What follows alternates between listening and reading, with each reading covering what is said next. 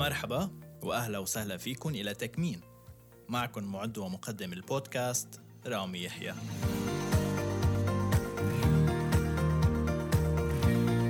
موضوع حلقة اليوم هو واقع قطاع التأمين في جمهورية مصر العربية الدولة التي تضم أكبر عدد سكان في منطقة الشرق الأوسط. وسوق التأمين المصري هو من أعرق الأسواق العربية حيث يعود تاريخ تأسيس أول شركة تأمين في مصر إلى التاسع والعشرين من مايو من العام 1900 عندما قام البنك الأهلي المصري بتأسيس شركة التأمين الأهلية المصرية في مدينة الإسكندرية والتي أصبحت تعرف بشركة مصر لتأمينات الحياة منذ العام 2011 يضم سوق التأمين المصري حوالي الأربعين شركة موزعة بين شركات تأمينات الحياة وشركات تأمين الممتلكات والمسؤوليات وتتعدد أنظمتها بين من تعتمد النظام التجاري وتلك التي تعتمد النظام التكافلي. وقد بلغ إجمالي الأقساط المكتتبة 40.1 مليار جنيه مصري أي ما يعادل 2.4 مليار دولار أمريكي للعام المالي 2019-2020 للتنويه فإن حجم الأقساط بالدولار الأمريكي تأثر بسعر صرف الجنيه بعد التعويم الذي حصل في السنوات الأخيرة. حاليا يعكف البرلمان المصري على دراسة مسودة القانون الموحد للتأمين والذي من المتوقع إقراره بصيغته النهائية في العام الحالي. يسرني ويشرفني أن أرحب بالأستاذ علاء الزهيري رئيس الاتحاد المصري للتأمين وعضو مجلس الإدارة المنتدب في شركة GIG مجموعة الخليج للتأمين مصر والرئيس السابق للاتحاد العام العربي للتأمين. طبعا اللائحة تطول بس نحن اكتفينا بهذا القدر. أهلا وسهلا فيك أستاذ علاء. أهلا أستاذ أهلا وسهلا. آه رح أبدأ من حيث انتهيت آه في مقدمة الحلقة. حول مسودة القانون الموحد للتأمين ما هي أبرز ملامح هذا القانون وكيف سيكون شكل السوق آه في حال إقراره؟ والحقيقة القانون آه، يعتبر إنجاز الحقيقة وإحنا كاتحاد مصري للتأمين آه، بنتقدم بالشكر للهيئة العامة للرقابة المالية إنها الحقيقة بعد فترة طويلة جدا آه، قررت إن يتم آه، عمل قانون تأمين موحد في مصر. الحقيقة كان عندنا قانون آه، رقم 10 سنة 1981 يعني بقى له أكثر من 40 سنة. وكان يعني قال الاوان إن يكون عندنا قانون جديد للتأمين لأن أنت عارف إن الفترة اللي فاتت حصلت مش على بس على صعيد مصر ولكن على صعيد العالم باجمعه مش بس العالم العربي حتى العالم باجمعه آه، تغيرات كثيره وظهرت أمور كثيره جدا. آه، آه، أدت إلى إن التأمين يكون الحقيقة عامل أساسي ومهم في حياة الناس كلها. فده كان بيستدعوا إن يكون في تعديل للقانون ولكن الهيئه فضلت إن يكون في قانون جديد. مش تعديل للقانون ولكن قانون جديده بمواد جديدة. أكيد خدنا من القانون القديم ولكن يظل هذا القانون هو الحقيقة إنجاز بإذن الله بمجرد أن يتم آه، موافقة عليه في مجلس النواب. القانون آه، مر بمراحل كبيرة مرحلة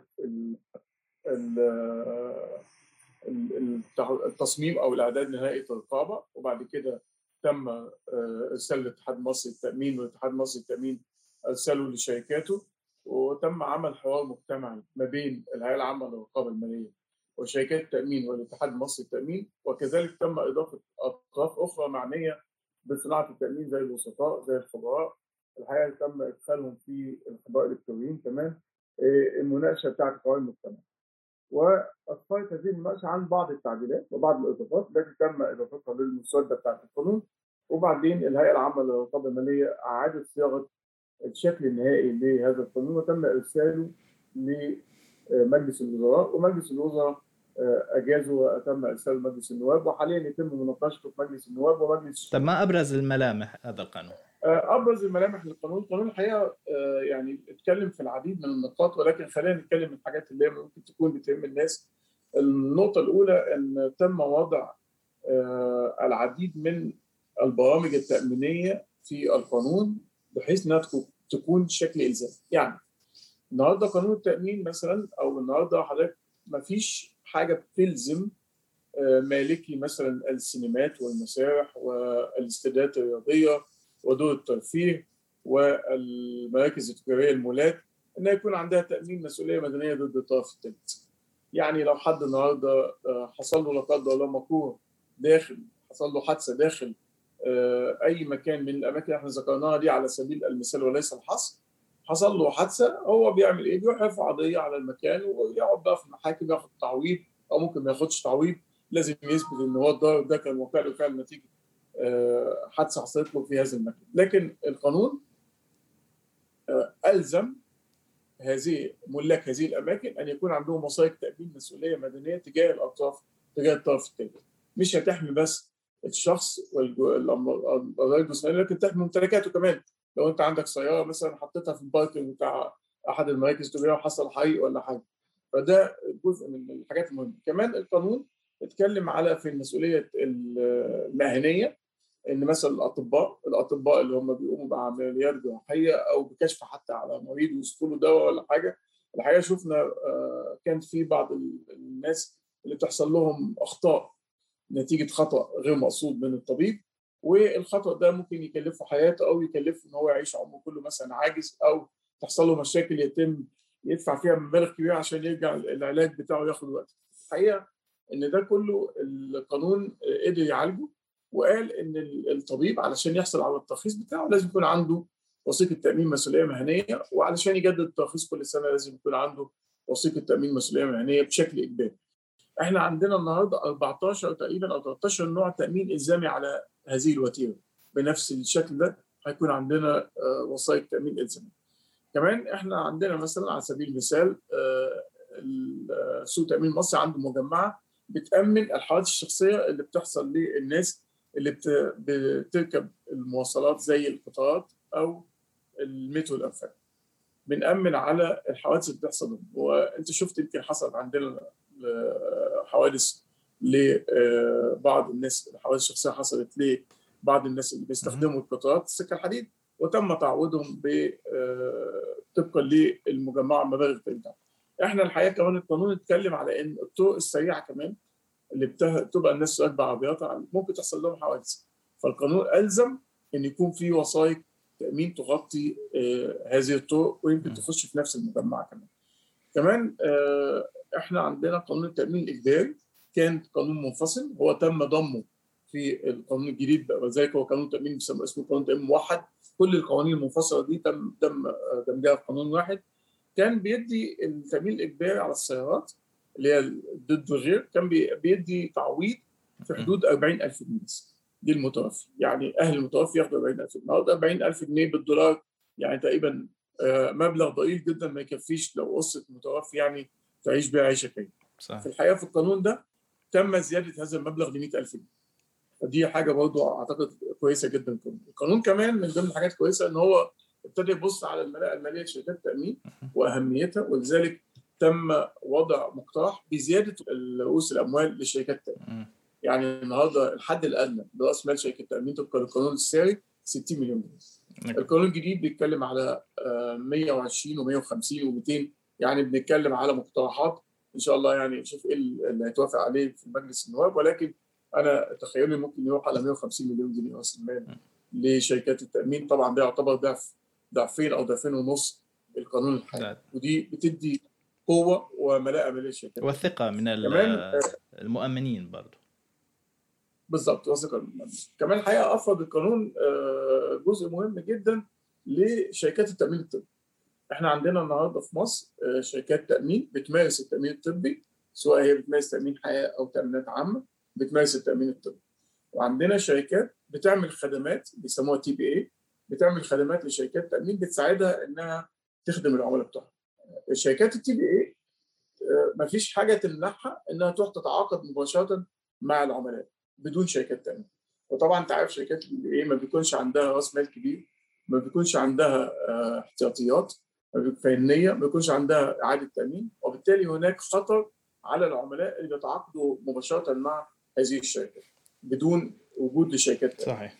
القانون الحقيقة جرم واعتبر إن هذا جرم إن الشركة تقوم بإصدار عقد تأمين طبي بدون ما تكون شركة تأمين. ولكن عشان يخفف الوطأه شوية عمل إيه؟ القانون الجديد؟ عمل مادة لشركات تأمين طبي. يعني لو أنت عايز تاخد ترخيص شركات تأمين طبي لوحدها من غير ما تكتب أنواع ثانية من التأمين تقدر تروح تحصل على رخصه تأمين طبي رخصه لشركة تأمين الطبي يعني بهذه الحالة حيصير عندنا ثلاث أنواع شركات تأمين اللي هي تأمينات الحياة تأمين الممتلكات والمسؤوليات وتأمين الطبي. عندنا رابعة بقى كمان هيكون عندنا كمان شركات آه، تأمين متناهي الصغر القانون كمان أفرض ليها باب لوحده إنك أنت تقدر تعمل شركات تأمين متناهي الصغر التأمين متناهي الصغر في مصر متعارف عليه إن أي وثيقة تأمين تقدر تعملها من جنيه ل 100000 جنيه كمبلغ تأمين ممكن تخش تحت تأمين متناهي الصغر فهو القانون قال إن ممكن الشركات تعمل بس تاخد رخصة لتأمين متناهي الصغر بس تمام حنحكي حناتي على ذكر التأمين المتناهي الصغر بس سؤالي بس حابب استوضح شغله بموضوع الأطر التنظيمية في القانون الجديد. آه، منها مثلا مرجعية الشركات. هل حتكون هيئة الرقابة ولا ولا ما الذي لاحظوا القانون في موضوع الأطر؟ طبعا كل اي أي شركة تأمين في مصر آه، علشان تحصل على ترخيص للعمل لازم تحصل الترخيص بتاعها من هيئة الرقابة. فهيئة الرقابة هتحط بقى الأطر التنفيذية ده يبقى موجود في في القانون أكيد أو بعد كده في آه، اللائحة للقانون يكون في لائحة تنفيذية يعني. أو قرارات مجلس إدارة الهيئة بتنظم عمل هذه الشركات. طبعا رأس المال محطوط في القانون رأس المال بتاعها محطوط في القانون. يعني القانون قال إن آه، شركات التامين الطبي هتبقى 60 مليون شركات تأمين متناهي الصغر تبقى 30 مليون في المال. يعني لكن هتقدم زيها زي أي شركة تأمين هتقدم ميزانيات هتقدم تقرير للهيئة. النماذج الهيئة بتطلب منها شركات تأمين تملاها الشركات دي هتملاها. فطبعا كان لو كانت شركة تأمين متكاملة يعني.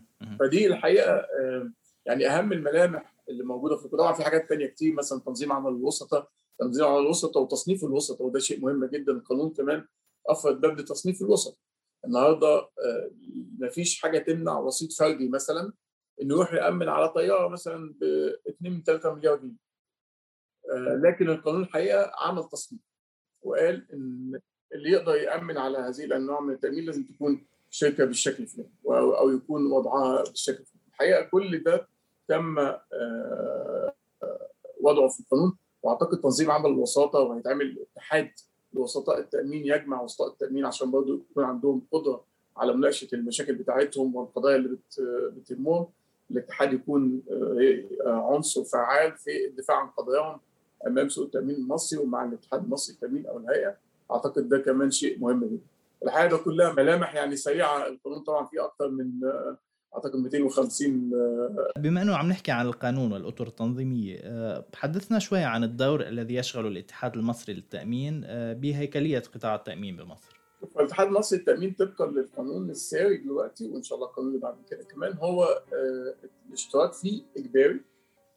أي شركة تأمين حاصلة على ترخيص أي شركة تأمين حاصلة على ترخيص لمزاولة التأمين في مصر أول ما بتحصل على الترخيص قانونا لازم تشترك في الاتحاد المصري وبالتالي آه، الاتحاد المصري للتامين يضم جميع شركات التأمين العاملة في سوق التأمين المصري.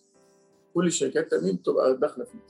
الاتحاد الحقيقة بيشتغل عن طريق الجمعية العمومية للاتحاد اللي بتضم كل الشركات دي ومجلس آه، الإدارة بيتم انتخابه من الجمعية العمومية ومجلس الإدارة بيكون مكون من 13 عضو وبتكون الرئاسه فيه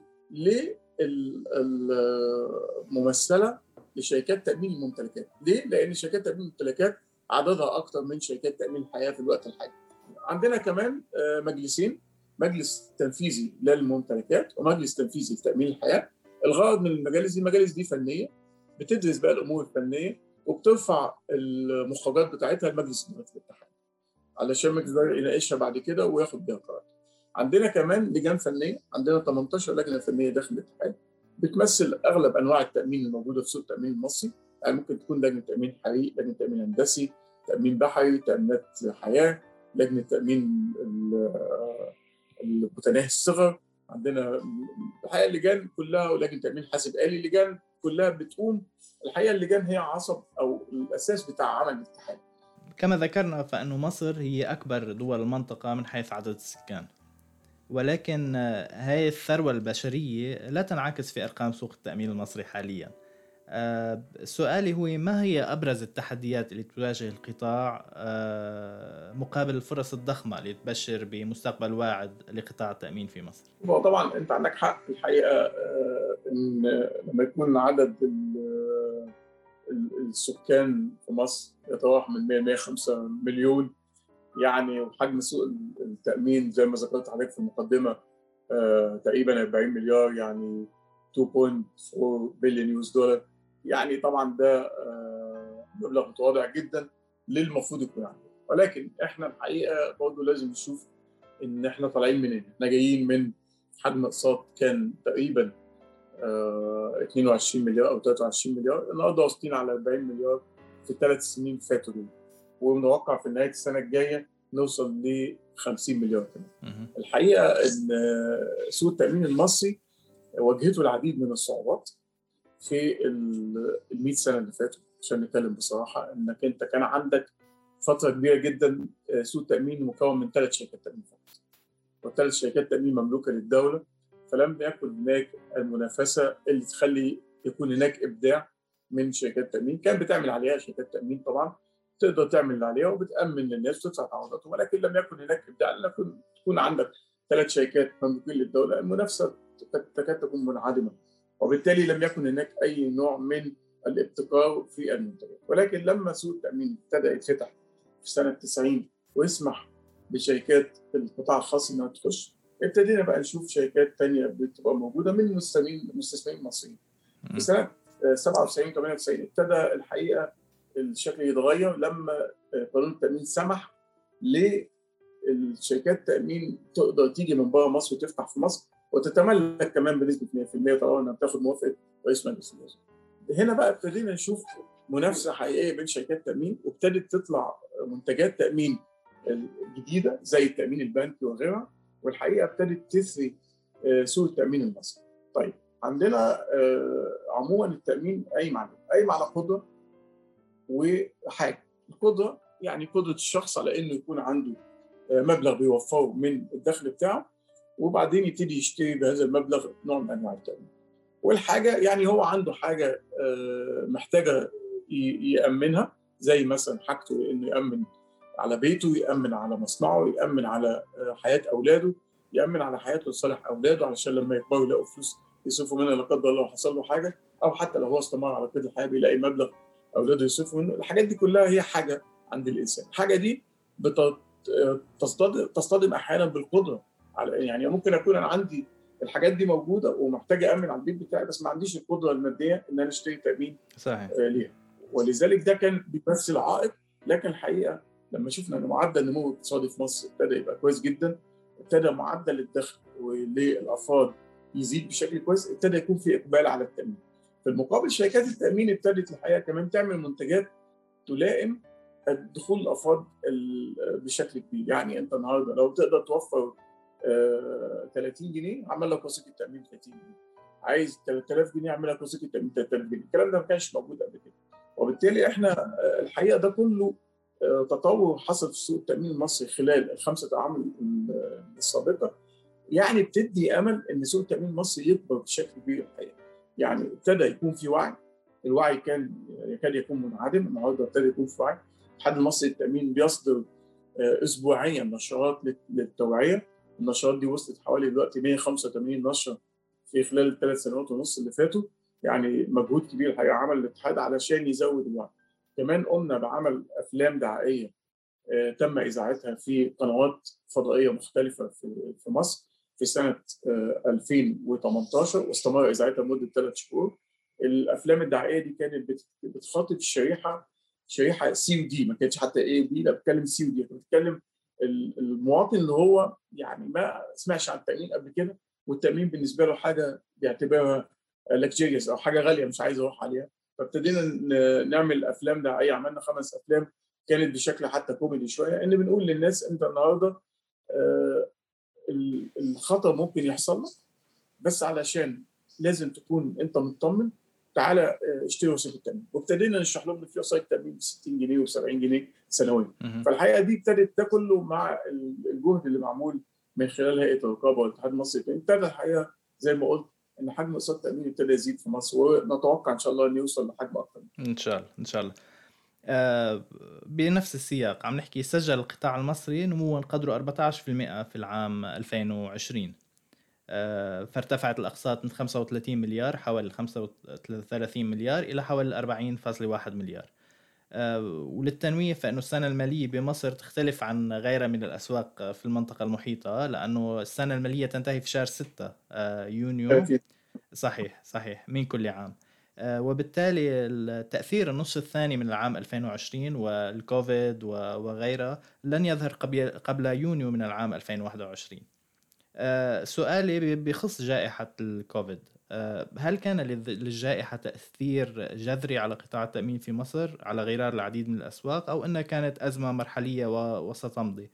يعني عم نحكي عن أبرز التداعيات أو التأثيرات خصوصا أنه مثل ما بنعرف السوق المصري أو مصر من الدول القليلة التي لم تعرف الإغلاق عام لم تشهد إغلاق عام كغيرها من الأسواق يعني والحمد لله إحنا في مصر ما ما وصلناش للإغلاق العام يعني كان عندنا فترة حظر تجوال يعني كان مثلا لفترات معينة الناس ما بتنزلش البيت مثلا بعد خمسة أو ستة يعني ولكن دي حتى ما استمرتش كتير. خلال فترة حظر التجوال الحقيقة كانت شركات التامين آه، لاحظت إن عدد الحوادث الخاصة بالسيارات بالذات آه، قلت بشكل كبير يمكن بنسبة تتراوح من 40 ل 50% خلال فترة حظر التجوال لأن الناس كتير كانت بتشتغل من البيت. صحيح. آه، في نفس السياق برضه التأمين الطبي التأمين الطبي لاحظنا إن برضه قلت معدلات الاستهلاك خلال ثلاث شهور فيهم حظ. ليه؟ لأن الناس كانتش بتنزل من البيت. من ناحيه من ناحية ثانية الناس كانت خايفة تروح المستشفيات يحصل عدوى ولا حاجة. في نفس الوقت الحقيقة كان في إقبال على التأمين الطبي لأن الناس شافت إن شركات التأمين المصرية آه، قبلت تداعيات الجائحة بشكل كويس وقامت بصرف التعويضات الخاصة بالتامين الحيوي والتأمين الطبي. فالناس الحقيقة قالوا إن شركات التأمين آه، مسؤولة وبالتالي إحنا شايفين نتعامل معاها. فأصبح في إقبال على التأمين الطبي وده واضح في أرقام التأمين الطبي وزياده الاصابات. يمكن آه، مصر ما تأثرش أو دستور التأمين المصري ما تأثرش بشكل كبير لأسباب كثيره، السبب الرئيسي فيها إن عندنا مشروعات البنية التحتية هي مشروعات الحقيقة شغالة بشكل كويس ولم آه، تتأثر. بالعكس يعني تم طرح العديد من المشروعات سواء مشروعات الأنفاق مشروعات القطار السريع مثلا الكهربائي مشروعات المدن الجديدة تم استكمالها المشروعات السكنية بنية تحتية مية وصرف صحي وهكذا يعني بصراحة. شفنا آه، مشروعات تطرحها الدولة. أول حاجة عمل آه، خلق فرص عمل.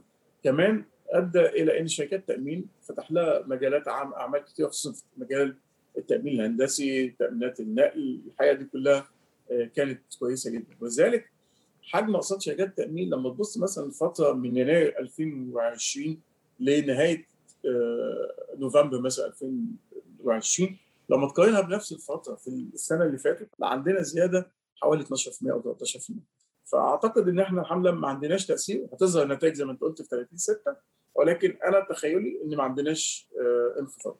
آه، في عصر التحول الرقمي المتسارع الذي يشهد كل يوم العديد من الابتكارات والأفكار الجديدة أين تقع مصر على خارطه الإنشورتك؟ يعني هل من خطة زمنية محددة أو جدول زمني تعمل يعمل القطاع وفقه آه، مثلا على أساس تجهيز البنية التحتية وغيرها من الأمور المتعلقة؟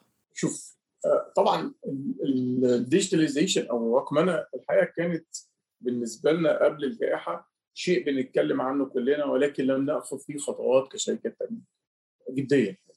لما آه، حصلت الجائحة ولقينا ناس بتشتغل من البيت وناس عندها آه، اهتمام إن توصل مثلا الوسائل بتاعتها أونلاين للعملاء بتوعها آه، يتم البيع حتى بشكل أونلاين.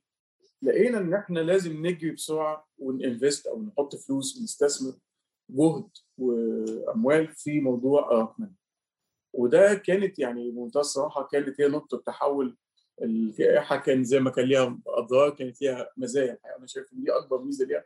ان كانت نقطة تحول أعتقد سوق التأمين المصري بالكامل ابتدى يفكر لا إحنا لازم يكون عندنا الصراع آه، في عملية استخدام الرقمنه والتحول دي والحقيقة آه، ده كنا اشتغلنا عليه آه، بشكل كبير من بداية الجائحه وكان الاتحاد المصري للتأمين سباق في إنه عمل ندوات كثيره لشركات التأمين واتكلم معاهم على إيه الحاجات اللي ممكن يستفيدوا منها في الفترة دي.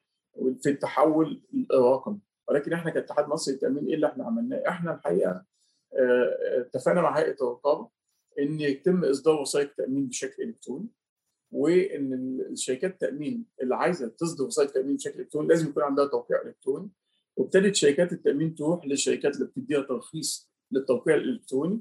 وراحت فعلا على إنها تحصل على الترخيص وأعتقد العديد من شركات التأمين حصلت على الترخيص الإلكتروني. وإن الحقيقة إن ده سهل لشركات التامين إنها تصدر وثائق digital وتسلمها للعملاء بشكل digital، العميل نفسه ما بقاش عايز يمسك ورق في إيده.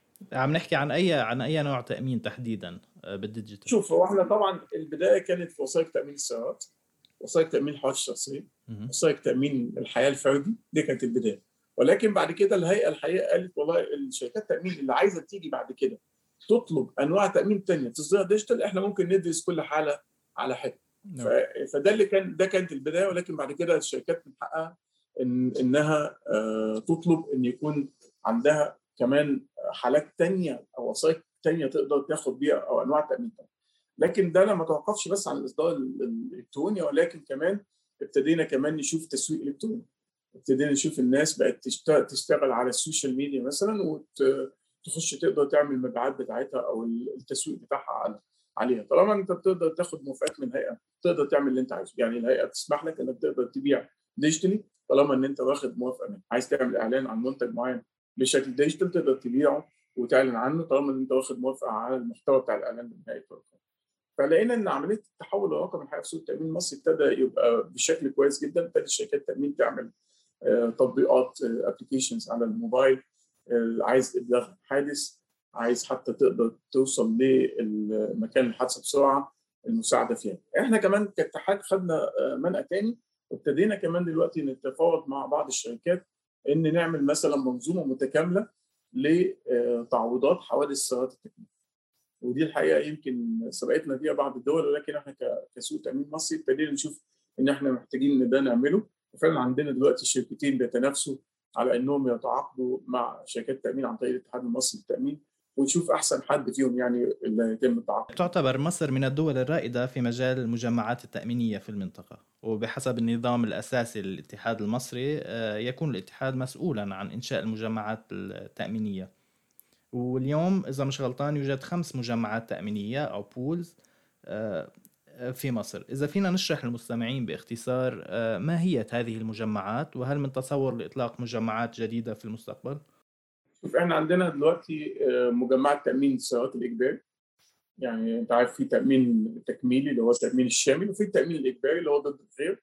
ده معمول لمجمعه بيضم كل الشركات اللي بتمارس هذا أو كانت تمارس هذا النوع من التأمين. والمجمعه دي عملناها في سنة 2018 بقى لها سنتين تقريبا. الحقيقة ماشية كويس جدا وبتقوم بدور كبير جدا في إنها يعني عملت أريحية للشركات، شركات التأمين كانت هي اللي بتاخد الأماكن في المرور وبتصدر الوثائق وتحصل وتدفع التعويضات. ده, ده كله عمل المجمعه يعني. فده الحقيقة مناسب جدا. عندنا مجمعه تأمين المسؤولية العشرية اللي هي وثائق تأمين مسؤولية المقاول والمالك عن الحوادث اللي ممكن تحصل للمباني. كمان عندنا مجمعه قطارات تأمين قطارات السكه الحديد وطرق. ودي زي ما كنا شرحت في أول لقاء هي بتأمن الحوادث الشخصية للمرتادي أو بيركبوا المواصلات اللي هي المترو الأنفاق والطرق والسكة الحديد وهينضم لها إن شاء الله الطرق السريعة بعد كده. دي دي المجمعات اللي هي موجودة في مصر ثلاث مجمعات الموجودة في مصر. الحقيقة في كمان تخطيط لمجمعة تأمين السفر. دي هتبقى هتأمن على جوازات السفر المصرية أي حد بيصدر جواز سفر أو بيجدد جواز سفر هيكون عنده تأمين سفر بحيث إنه لو سافر في أي مكان لمدة سبع سنوات هيكون التأمين ده ساري وهيغطي له الحد الادنى يعني هيكون تخطيط شنجن يعني فدي المجمعات اللي موجودة واللي تحت الإنشاء. طب كيف تقيم قطاع تجربة القطاع مع المجمعات التأمينية؟ وانطلاقا هل ممكن أن نرى شركة إعادة تأمين مصرية خصوصا في ضوء التجربة السابقة اللي صارت مع المصريه لاعاده التامين. المصرية لاعاده التامين. شوف هو إحنا أعتقد ان المجمعات الحقيقة أثبتت نجاح. اولا يعني خليني أقول لك مثلا إحنا ليه رحنا على مجمعات تأمين إجباري؟ التامين الاجباري كان بتمارسه كل شركة لوحدها وكانت بتحصل فيه ممارسات الحقيقة غير مرغوب فيها وكانت بتحصل فيه آه، مشاكل كتيرة جدا في إن الناس بتنافس بعضها. التامين الاجباري يعني تأمين ما فيهوش منافسة. يعني آه، الوثيقة محددة القسط ومحددة التعويض ما فيش منافسه فكانت الناس بتتنافس بتتنافس بشكل كبير جدا إنها تدي عمولات لوسطاء واحيانا لغير وسطاء بشكل غير رسمي علشان تقدر تستقطب أكبر عدد من الناس اللي هم بيروحوا المرور بتحصل مشاكل كتيرة والحقيقة يعني شفنا مهازل فيه كانت مهازل فعلا. فالحقيقة ده كله انتهى. لما ابتدينا شفنا الإنجاز اللي حصل أو يعني الخطوات اللي حصلت والمجمعة ابتدت حلت لنا كل المشاكل دي وأكتر منها لقينا ان المجمعه كانت حل كويس. فالمجمعات ممكن تكون حل كويس تلجأ ليه الاسواق التأمين. لما بيكون في حاجات مثلا أخطار غير مرغوب فيها عندنا كمان أنا يمكن نسيت أتكلم عن المجمعه النوويه فالحقيقة الأخطار اللي هي بتبقى آه، وحيدة من نوعها زي الخطر النووي دي محتاج الحاجات اللي هي بتكون بشكل إجباري ما فيهاش منافسة محتاج مجمع. آه، سؤالك الثاني إعادة تأمين؟ آه طبعا إعادة تأمين. آه، شيء مهم جدا. وكان في تجربة اتعملت من حوالي ست سنين في الوقت ده كان الاتحاد المصري للتامين حب مع يتكلم مع الشركات. والشركات بعض الشركات كان في 13 شركة متحمسين لإنشاء شركة اعاده تامين مصريه واتعمل الحقيقة جت شركة متخصصة برايس ووتر هاوس ابتدوا يعملوا دراسة. ولكن للأسف اصطدمنا ب عدم القدرة على استكمال راس المال.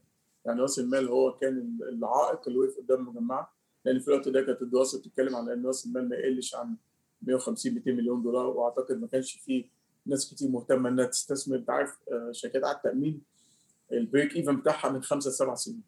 فالمستثمرين علشان يحطوا فلوس ويستنوا من خمسة لسبع سنين أعتقد دي كانت هتبقى عملية صعبة. فما كانش في إمكانية إن يكون في في الوقت ده توفير لهذا المبلغ. وبالتالي للأسف لم نستطع أو يستطيع السوق المصري إنه ينشئ شركة إعادة تأمين. طيب أعلن الاتحاد المصري للتأمين استراتيجية طموحة للشمول التاميني أطلق عليه اسم Access to Underserved Populations أو ال AUP وقد تم إدراج آلية تنفيذ هذه الاستراتيجية ضمن خطة عمل الاتحاد للعام الحالي. خبرنا عن أهمية هذه الاستراتيجية وشو أبرز معالمها شوف والله إحنا الحقيقة بالنسبة لنا ال AUP إحنا شفنا إن الاتحاد المصري للتأمين وشركات التأمين ليها دور كبير. إن في ناس يمكن زي ما اتكلمنا في أول المقابلة إن في ناس كتير ممكن تكون محتاجة تأمين بس متخيلة إن التأمين ده يعني حاجة صعبة الوصول فإحنا قلنا طيب إحنا اللي نوصل للناس دي. فابتدينا نعمل منظومة بحيث إن يكون عندنا القدرة إن نوصل لشركات التامين للأماكن اللي هي فعلا ما كانتش بتفكر تروح ليها قبل كده. ولقينا إن ده علشان يتم لازم يكون عندنا عناصر مساعدة. وابتدينا فعلا نمضي نوقع بروتوكولات مع هذه العناصر المساعدة. يعني مثلا وقعنا بروتوكول مع جمعية أهل مصر. جمعية أهل مصر هي جمعية مهتمة بإنشاء مستشفى للحقوق. وبتتكلم بس على إزاي إنها تمنع الحقوق وتمنع الأضرار بتاعة الحقوق اللي ممكن تحصل للناس. فإحنا مضينا بروتوكول معاها وعن طريق هذه الجمعية وصلنا لثلاث أماكن شعبية في مصر عندهم يعني من النادر إن تلاقي عندهم تأمين من الأساس. وابتدينا نتكلم معاهم على إن إنك أنت لازم تحمي نفسك وأهلك من الحريق الورشة بتاعتك الصغيرة دي تحميها من الحريق وابتدينا نعمل لهم بشكل دعائي حاجات دعائية. حتى الأطفال بتاعتهم ابتدينا نعمل لهم حاجات تبقى بالنسبة لهم اتراكتيف يعني للأطفال. بحيث إن انت تعلمه إنه يحمي نفسه إزاي من خطر الحريق الأول وثانيا لو حصل له حريق لا قدر الله إيه اللي ممكن يحميه؟ وبعدين التأمين بقى كعنصر من عناصر إدارة الخطر نشرح لهم إن التأمين ده كمان ممكن يساعدك في بيتك ممكن يساعدك في الورشة بتاعتك الصغيرة دي يحافظ لك عليها يحافظ لك على أولادك نعمل لك وثائق. وابتدينا نوصل للشرائح دي اللي ما كانش حد بيوصل لها. كمان وقعنا بروتوكول مع هيئة البريد المصري، هيئة البريد المصري عندها 23 مليون عميل يعني ربع سكان مصر. ما شاء الله. ده كله الحقيقة الاتحاد بيعمله علشان يفتح ويفتح مدارك أصحاب الصناعات والناس اللي بيشتغلوا فيها لأهمية إدارة الخطر كمان. التوعيه التامينيه. بالظبط ده كان كل الشغل على الأرض عمله الاتحاد وأعتقد إن هو ابتدى يجيب نتائج الحمد تمام. آه، تفضلت وتكلمت حضرتك عن التأمين المتناهي الصغر وطبعا بيدخل من ضمن ال AUP بشكل أو بآخر. السؤال شو هي أبرز المنتجات التأمينية المتوفرة حاليا آه، ضمن خط التأمين المتناهي الصغر أو ال micro insurance؟ يعني عايز أقول لك إحنا الحمد لله عندنا في سوق التامين المصري ما يزيد عن 6 مليون وثيقة تأمين متناهي الصغر ودي برضه تعتبر يعني عدد كويس جدا ما أعرفش الحقيقة الأسواق المحيطة بينا بتهتم بده ولا لا. لكن إحنا من ضمن ال access to underserved population إن إحنا قلنا لازم يكون عندنا وثائق كمان تناسب الناس دي. فابتدينا من خلال لجنة تامين متناهي في الاتحاد تطلع منتجات جديدة زي وثائق تأمين حالات الشخصيه آه، الصغر زي وثائق تأمين آه، على الماشيه الصغر كان زمان لازم عشان المواشي المواشي دي لو حصل لها حاجة لا قدر الله كانت بتبقى مشكلة. فهو كان بيعمل إيه؟ بيأمن على مجموعة من المواشي. لكن ما كانش يقدر يأمن على ماشي واحدة. النهارده عندنا وسائل تأمين الصغر بتأمن على ماشي واحدة. ده ما كانش موجود قبل كده. فابتدأت وسائل تأمين الصغر تشتغل بشكل كبير. وقلنا كمان إن إحنا علشان نوصل لأكبر شريحة ممكنة ابتدينا نشتغل مع الجمعيات اللي بتعمل تمويل متناسب الجمعيات دي بتقدر توصل للناس يعني بيبقى في تعاقدات مع هذه الجمعيات. الجمعيات دي بيكون عندها مثلا 200 أو أكثر من 200 مكان بيبيعوا فيه التمويل متناهي الصغر وبيقدروا يوصلوا في القرى والنجوع والمراكز للناس اللي هي محتاجة فعلا هذا التمويل. وزي ما قلت قبل كده التمويل ده بيكون من جنيه ل 100000 جنيه. فهو يعني ده عشان كده بيسموه متناهي الصغر شركات التامين ابتدت تعمل وسائط بقى تامين عدم السداد للقرض ده لو اتاخد تأمين على حياة المقترض تأمين حوادث شخصية لو حصل له حادثة تأمين حريق وسطو ده كله تامين متناسق للشخص ده تشتغل بشكل فعال إن التعويض يخلص خلال 48 ساعة علشان إن يكون آه، فعلا ده بيسمع عند الناس وإن الحقيقة لما لما بتقدر تدفع تعويض الصغر في خلال 48 ساعة بتبقى أقوى دعاية للتأمين الصغر وللتامين بصفة عامة. آه، ببداية يوليو من العام 2019 أطلق الرئيس عبد الفتاح السيسي إشارة البدء الفعلي لتطبيق قانون التأمين الصحي الجديد. إذانا بإرساء منظومة دعائم منظومة صحية متكاملة في مصر.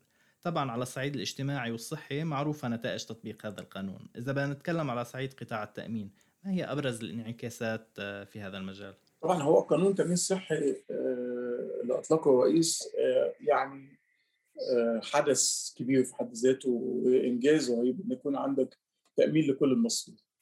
تأمين لكل المصريين بمعنى كل المصريين. كل الناس هيكون عندها تأمين بغض النظر بتشتغل أو ما بتشتغلش. آه، وده هيكون بيتم تطبيقه بشكل آه، تدريجي وتم بدايه في محافظة بورسعيد وبعد كده انتقل لمحافظتين تانيين ويوصل إن شاء الله النهايه بتاعته أو يعني التطبيق النهائي بتاعه القاهرة والإسكندرية في سنة 2030 الحقيقة تكون مصر كلها اتغطت بالتامين الصحي بمنظومه التامين الصحي التأمين الصحي إحنا الحقيقة كشركات تأمين آه، قد يكون ليه انعكاس على المدى البعيد. ولكن الحقيقة إحنا لما اتكلمنا مع المسؤولين عن التامين الصحي في الحكومة قلنا لهم إن إحنا كشركات تأمين عندنا الخبرة إن إحنا نساعد الدولة نساعد المنظومة في آه، عملية آه، إدارة هذا النوع من التأمين لأنها طبعا أنت عارف بيبقى في تعاقدات مع موردي آه، خدمات systems و IT system بتشترى في شركات مساعدة بتساعد في تقديم هذه الخدمة. شركات التامين عندها من الخبرة في الحقيقة هذا المجال خبرة واسعة جدا. عندنا أكثر من 6 مليون عميل تأمين طبي فعندنا خبرة كبيرة جدا. وأعتقد إن شاء الله هيكون في آه، زي ما تم وعدنا إن يكون في تعديل في بعض مواد القانون بحيث تسمح إن شركات التأمين يكون ليها دور. وده لما بيحصل طبعا ده الحقيقة آه، ما بيكونش بقى ليه أثر سلبي بالعكس ده يكون ليه أثر إيجابي كبير جدا على شركات التأمين لأن هيساعد على إنها تساهم في نجاح هذه المنظومة من ناحية من ناحية ثانية هتستفيد من آه، هذا النوع من تمام. آه، طبعا ما فينا نحكي عن سوق التأمين في مصر بدون ما نعرج على Ever Given وهو اسم أشهر سفينة حاويات في العالم على مدى الأسابيع الماضية منذ حادثة جنوحها في قناة السويس إذا مش غلطان في الثالث والعشرين من شهر مارس الفائت. آه، تمت عملية تعويم وفتح القناة. سؤالي من شقين. أول شيء ما هي نتائج التحقيقات؟ وهل عندكم تصور الحجم النهائي للمطالبات المقدمة؟ يعني الحقيقة يعني إحنا مش انفولف في في الموضوع ده بالمرة. إحنا يعني ما في مطالبات بالسوق المصري يعني. لا لا السوق المصري ما فيش مطالبات. إحنا بنشاهد الموضوع عن بعد يعني وإن كان إحنا كاتحاد مصري للتامين عرضنا طبعا من خلال اللجان الفنية بتاعتنا إن إحنا نقدم خدمة للبلد والهيئة قناة السويس لو احتاجوا طبعا إحنا تحت أمرهم وطلبنا يعني قدمنا ده بشكل رسمي. إن إحنا على استعداد إن إحنا نقدم خدماتنا لأن عارفين طبعا الموضوع هياخد وقت شوية وإن في أطراف عديدة في نوادي حمايه وتعويض في ملاك. صحيح. ولكن الحقيقة ما عندناش أكتر من الأخبار اللي بتنشر في الجرايد ما عندناش حاجة بشكل رسمي نقدر نتكلم فيها. طب من من خبرتك هل أو من معرفتك هل هيئة قناة السويس تقدمت بمطالبات معينة؟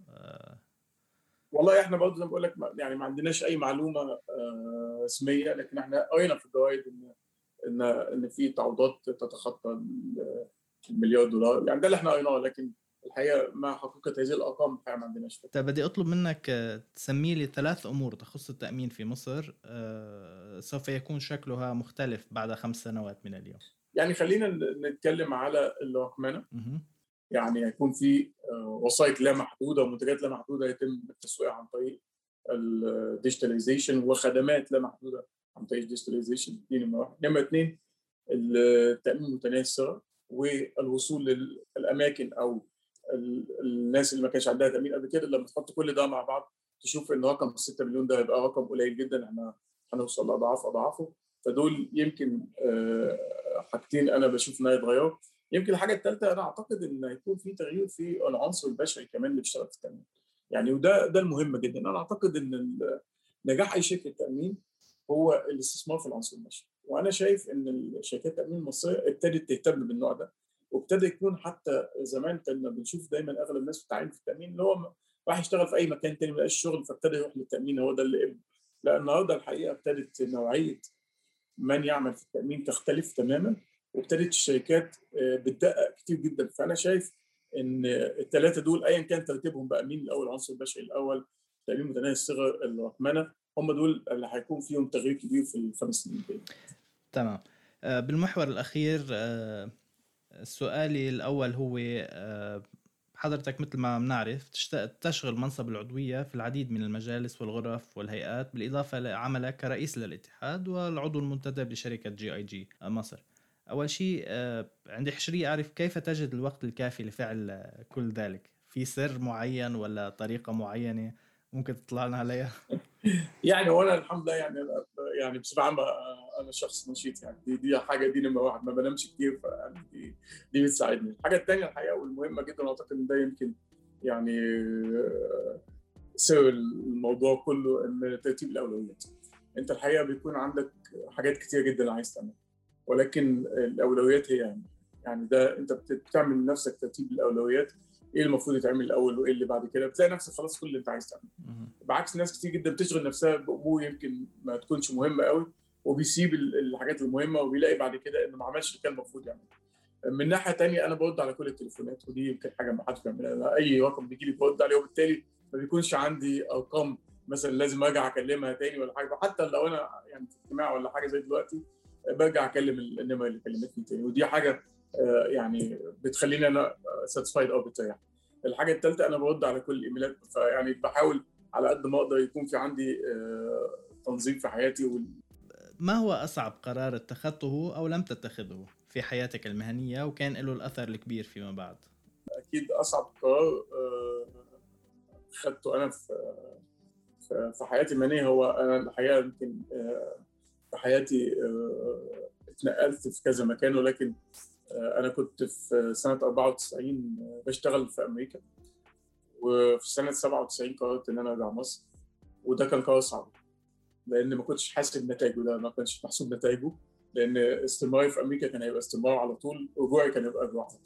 ولكن الحمد لله طلع في الآخر قرار كويس إن أنا خدته لأن يعني يعني ابتديت قصة نجاح بعد لما رجعت من أمريكا. وما في أجمل من قصة النجاح تكون بالوطن مش بالغربة. أكيد أكيد. آه طيب آه على الصعيد الشخصي أو المهني شو هو الشيء اللي ما تزال تسعى لتحقيقه؟ والله يعني أنا الحمد لله يعني حققت حاجات كتير في مهنيا يعني. يعني الحمد لله حاجات كتير اتحققت. ولكن يعني إحنا في شغلنا في التأمين دايما طماعين إحنا نعمل أكتر وأكتر. الحمد لله إحنا يعني اتكلم على جي إل جي مصر إحنا النهارده يمكن الحمد لله. تاني شركة تأمين من حيث حجم الأقساط في سوق التأمين المصري. ومن حيث الأرباح الفنية إحنا بقى لنا أكثر من ست سنين أكبر شركة تأمين بتحقق أرباح فنية. فده الحمد لله. يعني أتمنى إن ده يستمر على طول يعني طول ما أنا موجود في المكان يعني أو بعد كده بس يعني ده الحاجة اللي أنا حابة أحققها. يعني ده ده يمكن على على الصعيد المهني. الاتحاد المصري للتأمين الحقيقة أنا شرفت بإني رئاسه الاتحاد دي السنة الرابعة ليا والمفروض عندنا انتخابات شهر 8 يعني إن شاء الله ربنا يسهل كل نصيب في دورة ثانية وأخيرة أتمنى إن أكون موجود ونكمل المسيرة اللي إحنا بدأناها والنجاحات الحقيقيه اللي اتحققت كل التوفيق إن شاء الله آه شو النصيحة اللي بتوجهها عبر تكمين للشباب العربي بشكل عام والشباب المصري بشكل خاص؟ شوف أنا الحقيقة يمكن بشوف إن ناس كتير جدا بتقول إن علشان تبقى ناجح في حياتك لازم يكون حد بيساعدك إنك توصل لده. أنا الحقيقة بشوف العكس تماما. بشوف الإنسان هو اللي بيساعد نفسه. والنصيحة بتاعتي لو أنا من حقي أدي نصيحة أنا بشوف إن هم لازم يبتدي يشتغل الحاجة اللي هو بيحبها وما يدورش على إن حد يساعده يحطه في مكان معين لأنك أنت الحقيقة اللي إحنا بنسميه عندنا الواسطة يعني. مش لازم يكون عندك واسطة عشان تكون ناجح في حياتك مش لازم يكون عندك واسطة عشان تلاقي شغل مش لازم يكون عندك واسطة عشان تحقق هدف أنت المفروض تعمل ده كله بنفسك وأنا بشوف إن الإنسان الحقيقة الناجح هو اللي بيبني قصة نجاحه دي بنفسه.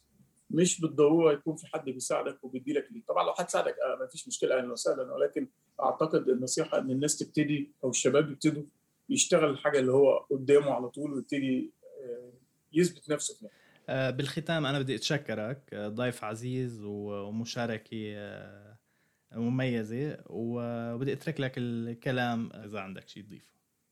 يعني عايز أشكرك الحقيقة وأشكر التكمين وأتمنى لكم التوفيق وأنا سعيد باللقاء معاك يمكن أول مرة بنتقابل إن شاء الله بيكون في مرات قادمة كمان. إن شاء الله.